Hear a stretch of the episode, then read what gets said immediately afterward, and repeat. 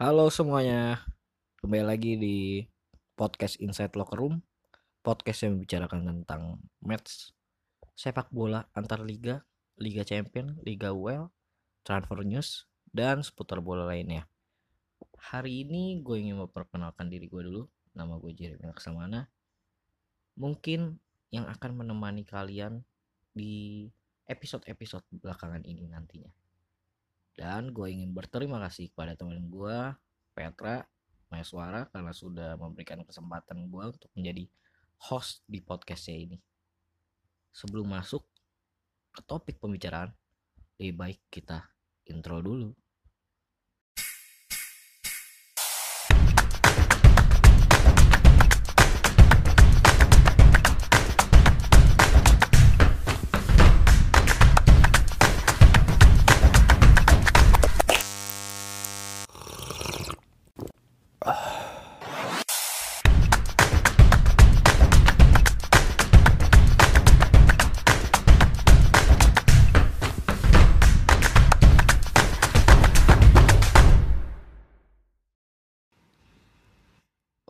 Seperti judul yang ada, Road to Germany 2020. Berarti kita bakal ngebahas final UEFA Europa League. Yang tahun ini mempertemukan Inter Milan dengan Sevilla. Berarti Liga Italia dengan Liga Spanyol. Kali ini gue nggak berbicara sendiri. Kali ini gue bersama teman gue yang eh football entusias seperti ya. Dia lancar banget kalau analisis. Coba coba kenalin dulu, kenalin dulu gak? Iya. Eh, halo, nama gue Vincent Yusuga Pratama. Temennya Jeremy yang katanya football en football apa Jer? Entusias. Ah iya itu maksudnya. Nah itu katanya yang paling jago statistik katanya. Iya. Semoga bisa membuat statistiknya ini benar kali ini ya. Oke. Semoga.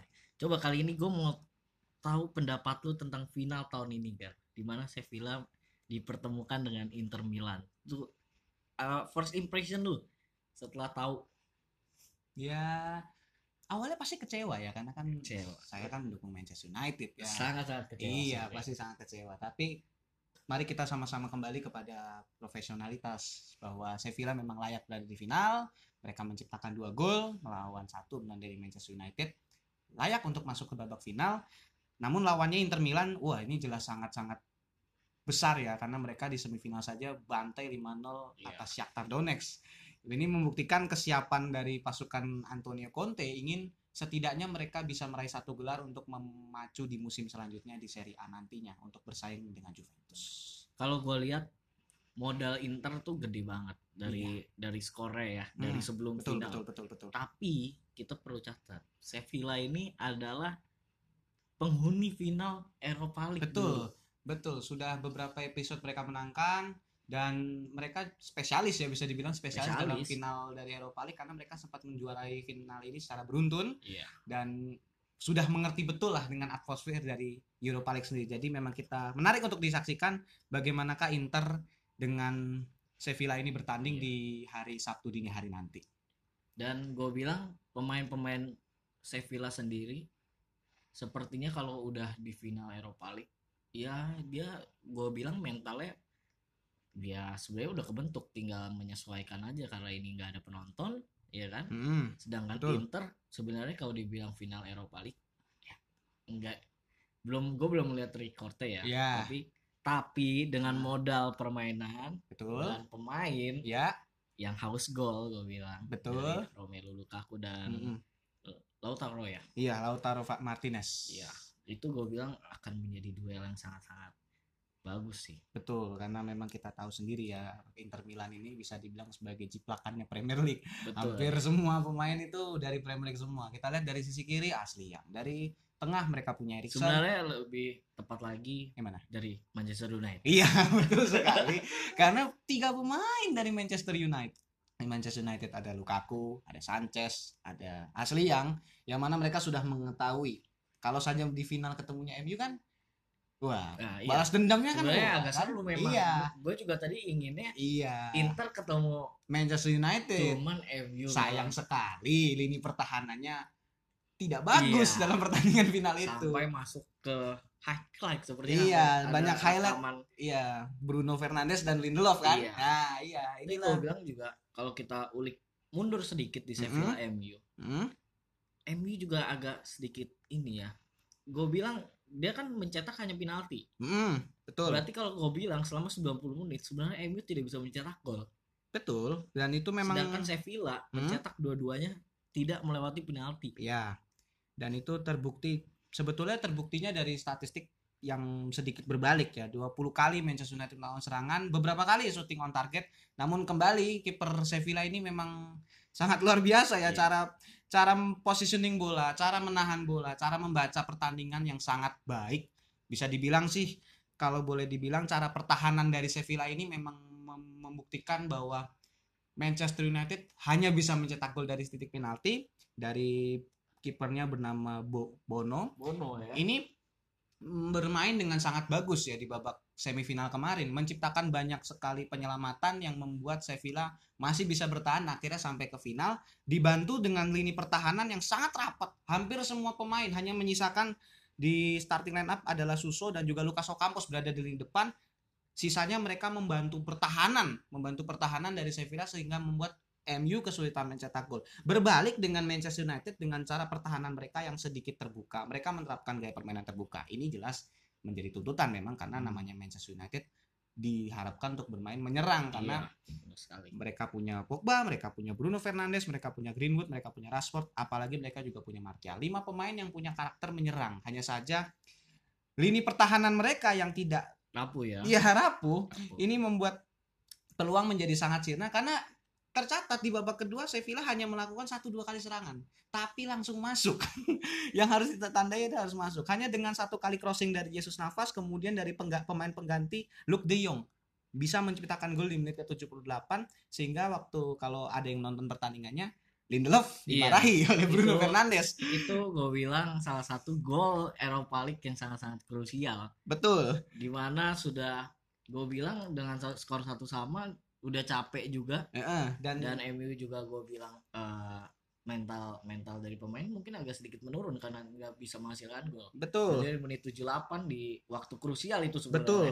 Dan itu cetaklah satu Iya. gol. Iya, dan bisa dibilang oleh menjadi salah satu pelatih dari Manchester United yang sangat stuck dengan line up-nya. Mm. Dari Iya, beberapa betul, pertandingan tidak pernah mengganti starting line up, tidak pernah membuat perubahan dengan harapan cara permainannya tetap akan seperti yang diharapkan. Mm. Padahal kalau kita melihat dalam beberapa pertandingan terakhir bahkan ada beberapa orang yang sempat menuliskan bahwa Bruno Fernandes mulai las mulai dalam beberapa pertandingan terakhir mulai sedikit kehilangan sentuhannya, mulai mudah ya dalam artinya mudah ditebak gaya permainannya dengan Paul Pogba sehingga ya kreativitasnya jelas agak berkurang dan pada saat sudah kebobolan mereka telat untuk melakukan pergantian pemain, tidak bisa melakukan pergantian dengan cepat dan akhirnya ya memang harus kalah dan kita harus akui Sevilla harus bisa masuk ke Oke, dalam pertandingan itu final. analisis dari Sevilla. Inter, eh Sevilla Manchester United. United. Iya. Itu semifinal ya. Semifinal. Untuk Sevilla sendiri pemain Hmm. itu Suso itu dia ambil dari AC Milan sebenarnya. Betul. Suso AC Milan. Susu. Hmm. Di sebelah kanan ada Reguilon dari Real Madrid. Sisi kiri. Sisi kiri ya. sisi kiri dari Reguilon, terus ada Madrid. Banega. Ever Banega.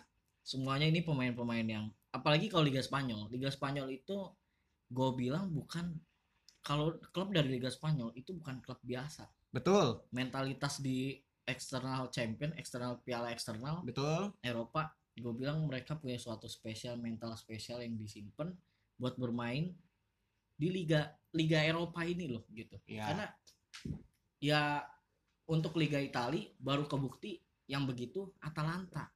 Iya, sangat mengejutkan ya. Sangat akhirnya sampai ke mengejutkan. perempat final walaupun akhirnya kalah dengan menyakitkan lawan Paris Saint-Germain. Tapi Sevilla ini eh gue bilang akan memberikan perlawanan yang mengejutkan juga ya. Gua bilang. Betul.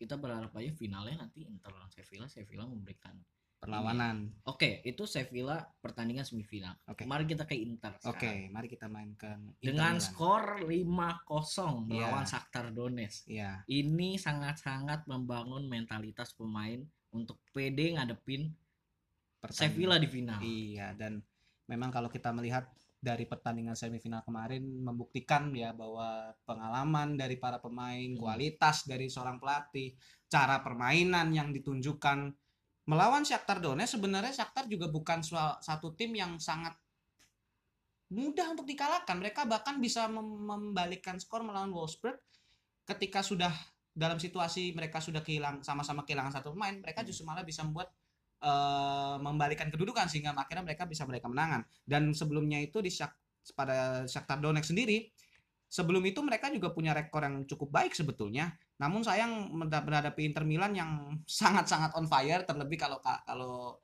lo tahu Antonio Conte seperti apa gaya melatihnya. Iya. Sangat-sangat pemarah, sangat-sangat penuh semangat dan berapi-api. Kita bisa melihat dari beberapa dari beberapa pemain dari beberapa pemain yang masuk dalam starting lineup kemarin formasi 352 formasi paten. Romelu Lukaku dan Lautaro Martinez diberikan ruang yang cukup bebas untuk mengobrak-abrik Hmm. dan diberikan kesempatan juga kepada seorang Nico Barella dan juga Brozovic untuk ikut naik ke atas. Sementara dalam ba- eh, bangku cadangan masih punya Christopher Birahi, masih punya Erikson, mereka masih punya Moses, mereka masih punya Alexis Sanchez Iya, yang mana itu menjadi opsi yang cukup melimpah bagi Inter Milan sehingga mau bagaimana pemain yang dipasang pun mereka tetap tidak mengubah cara main mereka. Betul. Pressing mereka mem- menutup dari lini Jadi, lini tengah. di lapangan di luar lapangan dia punya pemain yang mumpuni Iya. untuk eh, menjalani laga ini. Iya. dan kesiapannya jelas terlihat bahwa Antonio Conte sendiri berhasil secara keseluruhan di musim ini Inter Milan berhasil naik di peringkat kedua dan hanya selisih satu poin dari Juventus. Juventus. Ini betul menunjukkan bahwa Inter Milan walaupun musim ini mereka tidak menjadi juara tetapi setidaknya mereka mempunyai sebuah pembuktian bahwa kami telah kembali. Iya. Mereka betul telah menjadi sebuah tim elit yang berbahaya cara permainan mereka dan kita tinggal lihat saja apakah di pertandingan final ini mereka bisa menunjukkan kelasnya sebagai seorang tim yang mempunyai pemain yang begitu melimpah dan pemain yang berkualitas. Untuk Inter Milan juga gue sebenarnya kaget dengan skor 5-0. Apalagi dengan formasi 3-5-2. Hmm, Jujur gue paling kaget kalau setiap klub bermain dengan 3-5-2. kenapa? Bayangin. Backnya hanya 3. Tiga. Gue ya, gue gue jujur gue pendukung Real Madrid. Kalau sampai Madrid bermain 3-5-2, gue pasti langsung gak mau nonton. Kena- kenapa? Walaupun gue juga gue nggak tahu kenapa ya, gue bingung dengan formasi 352 itu kalau gue sendiri gue nggak pede gitu. Karena dengan back cuma tiga, ya ya kita eh, ini saja kalau tengahnya lima orang ini mungkin ada yang backup ke belakang ya, pasti dong pasti. Iya, ya. memang pasti. Cuman gue 352 dengan skor 5-0 itu gue bilang sebuah sebuah ke kesuksesan lah ya. Iya, Karena si Shakhtar Donetsk dengan formasi 4-2-3-1. 4-2-3-1 Hmm.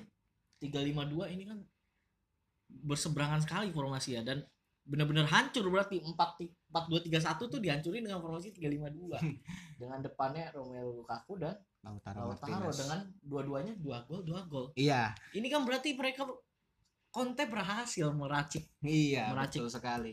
dua dua dua ini Striker ini kan. iya mereka bisa berganti posisi, mereka bisa membuka ruang, sama-sama bisa membuka ruang, mereka sama-sama finisher yang bagus. Hmm. Kurang apa kan bisa dibilang kalau sampai tidak juara kan wah, Ya, mereka sudah memiliki gue bilang punya modal. Lukaku dan Lautaro udah memiliki hubungan Iya. tim yang bagus nih. Iya. Walaupun sebenarnya kalau kita bicara musim, musimnya masih pendek sih untuk membangun hubungan sih. Mm-mm, hanya Ya kan? satu musim kan, hanya, Hanya berapa bulan musim.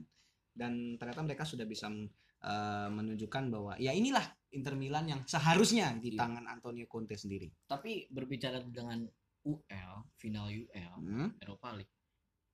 eh nggak ada tidak ada ini sih gue bilang kayak kan sekarang nggak ada leg 2 ya, leg 1 ya. ya, Berarti dari restart match sampai ke final itu kan berarti cuma butuh berapa ya? Dua minggu kayaknya ya. ya hanya perlu setik tiga pertandingan. Hanya butuh tiga pertandingan dari babak 16 besar, 8, 4 sekarang di final. Dua minggu ya paling ya. Cepet. sampai final ya makanya Hah. dan itu tidak mengurangi intensitas penonton. Gue masih ngeliat itu seperti wah gila nih seru banget nih permainan gitu. Iya. Karena Tapi kalau UL Hmm, Sevilla dengan Sevilla kembali ke final masuk ke ke rute final ini Hmm. sekarang dia bertemu di final seorang Sevilla sebuah tim Sevilla yang sebenarnya ya memang dia penghuninya final akhirnya dia kembali berarti gue bilang agak memancing sedikitnya fans dari Liga Spanyol ada yang menonton final Iya. karena di liga sebelah Eropa tidak ada kehadiran tim Liga Spanyol Tidak itu tidak Spanyol tidak sangat ada. gue seperti aneh melihat Iya. Liga Champions tanpa kehadiran tim Liga Spanyol ya kan Iya iya Sevilla iya, iya. ini membuat gua seperti akhirnya tim Liga Spanyol berarti akhirnya masuk. berarti tim Liga Spanyol tuh masih masih berjaya di Eropa Ya, gitu. masih menunjukkan sebagai wajah dari Iya. eh, Liga Spanyol sendiri walaupun kalau bisa dibilang Inter Milan dalam beberapa dalam berita sebelumnya ada yang eh, Antonio Conte pernah mengatakan bahwa kami bukanlah penyelamat dari wajah dari Serie A. Kami bukan mewakili sebuah negara, kami berjuang atas nama kami sendiri. Dan kalau kita mari kita sama-sama melihat dari segi statistik dan dari segi intensitas mereka mencetak gol ya. Sevilla memasukkan enam kali hanya kebobolan satu kali. Dan kemudian bagi Inter Milan karena memasukkannya 13 kali dari lima pertandingan terakhir dan hanya sama juga sama-sama kebobolan satu kali. Ini menandakan bahwa kedua tim punya ya punya pertahanan yang sangat bagus, punya cara pertahanan yang sangat kuat. Mereka bisa mereka cara pertahanannya kalau kalau gue boleh lihat dan gue lihat dan gue analisis sedikit Hmm. keduanya punya cara pertahanan yang hampir sama. Artinya mereka menumpuk semua pemain di kotak penalti dan akhirnya mereka ketika mereka bisa merebut bola akhirnya mereka langsung melakukan sebuah counter. Bedanya Benar. Sevilla Sevilla ini dengan cara permainan penyerangan mereka itu dengan dengan cara permainan yang agak lebih sabar. Mereka membangun mereka membangun dari dari belakang, mereka menguasai bola dengan tenang dan ketika mereka sudah punya ruang di kotak penalti lawan mereka baru melancarkan sebuah crossing. Beda dengan Inter Milan di mana Inter Milan lebih banyak melakukan counter dari dari sisi tengah mereka membawa mereka membawa bola dan ketika ada ruang mereka langsung menembak atau melakukan syuting ke gawang lawan sehingga kalau bisa dilihat dari highlight pertandingan sebelumnya beberapa gol dari Inter Milan itu semua dari aksi soloran dari Lukaku dan Lautaro Martinez. Begitu. Untuk eh, bagaimana kita melihat dari sisi penyerangan. Dan untuk pertahanan mereka tadi hampir sama. Dan untuk eh, bagaimana nanti untuk kalau bisa dibilang sih key of sukses ya. Iya. key of sukses dari kedua klub. Kalau dari Sevilla mereka harus mempunyai sebuah fisik eh, mereka harus punya fisik yang sa- sangat kuat. Betul banget. karena di pertandingan kemarin melawan Manchester United kalau mereka tidak kebobolan saja itu sudah sangat beruntung. Karena menyerangnya MU saja sudah hampir sama dengan nanti dengan Inter Milan. Menyerangnya MU saja ke dalam pertandingan semifinal itu menjadi sebuah acuan untuk pertandingan final nanti dan itu mereka punya harus punya fisik yang kuat mempunyai koordinasi pertahanan yang baik dan harus memaksimalkan peluang yang ada karena kita tahu Inter Milan merapatkan lini pertahanan lini pertahanan betul mereka banget. Kemudian kalau untuk key of sukses dari Inter Milan, jangan banyak membuang peluang, terutama bagi Romelu Lukaku dan Lautaro Martinez atau siapa pun yang bermain di lini depan. Kemudian minimalkan permainan, eh, minimalkan permainan eh, di daerah sendiri.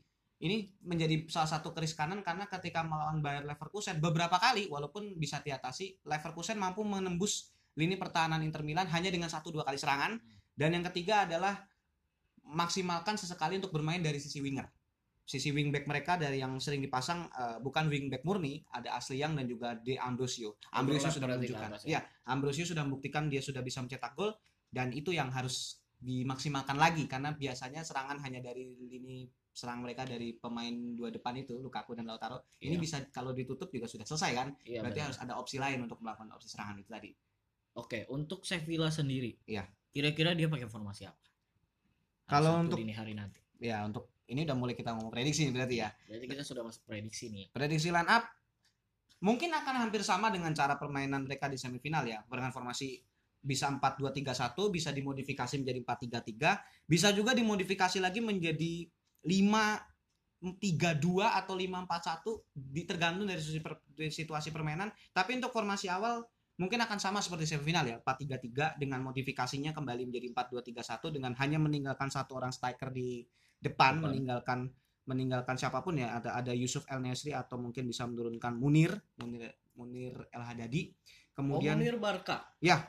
Oh, Munir kemudian kalau untuk hampir hampir semua sih cara pemain-pemain mereka akan sama ya berarti kira-kira bakal sama. sama sama dengan Apalagi coach Julen Iya. di Madrid juga sistemnya menyerang. Jadi gue bilang eh, ini Sevilla juga nggak bakal tanggung-tanggung sih. Dia Iya. bakal pasti langsung eh, ya gue bilang ini langsung peperangan gol, nggak mungkin nggak ada mungkin sedikit seperti gue ingin lihat permainan permainan yang asik itu permainan seperti sebenarnya seperti Bayern Munchen melawan Barcelona di mana benar-benar tetap total menyerang tetap ya. total menyerang. Mau berapapun skornya tetap kita serang terus Li- lima oper lima oper depan gawang. Lima kali oper Iya, depan gawang. Nggak perlu Itu banyak membuang waktu bilang, Hmm, Sevilla benar jangan sampai membuang waktu tapi jangan sampai lengah juga. Iya. Karena Romelu Lukaku sepertinya tidak bisa diberikan ruang sedikit pun. Iya. karena dengan body dan sebenarnya sprintnya juga nggak terlalu kenceng ya sebagai penyerang. Cuman bodinya itu mendukung sekali untuk dia ngelewatin berbagai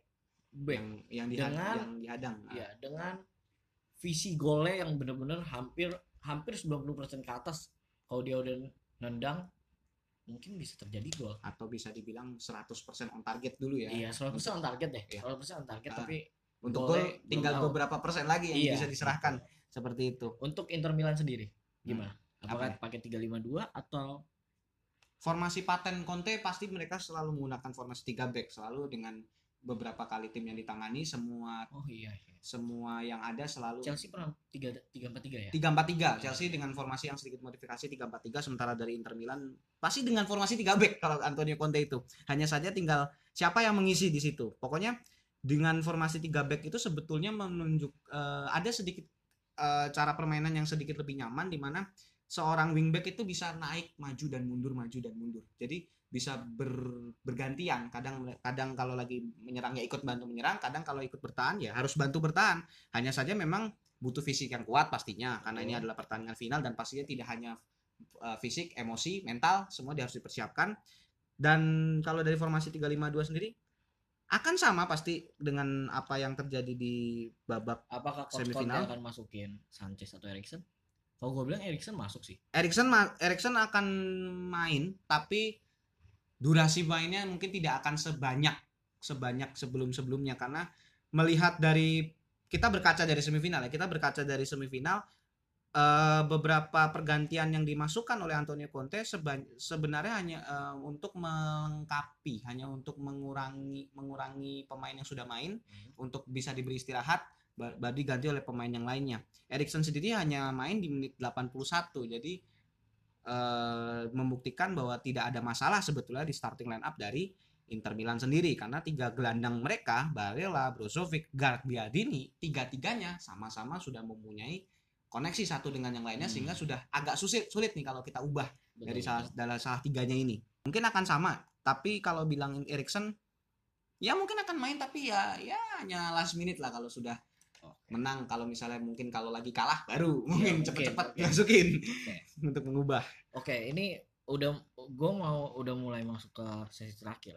Gue akan nanya prediksi Prediksi Sevilla Inter.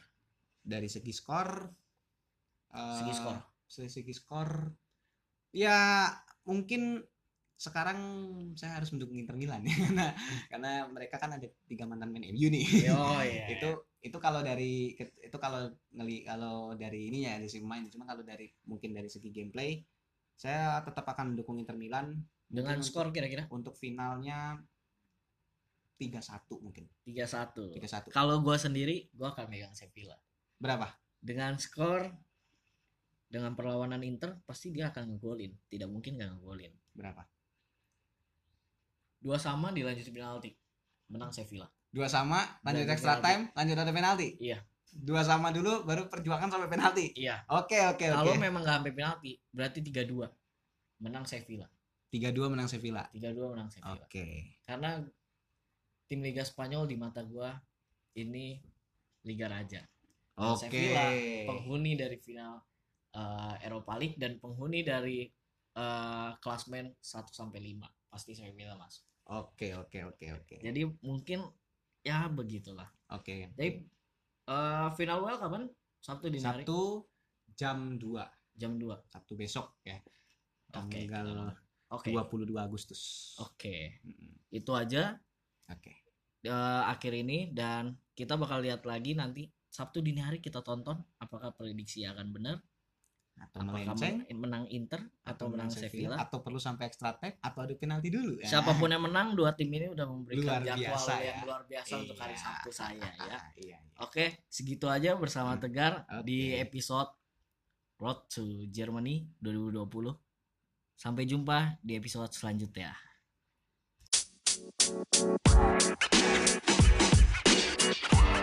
You know, man. You know, man. You know, man.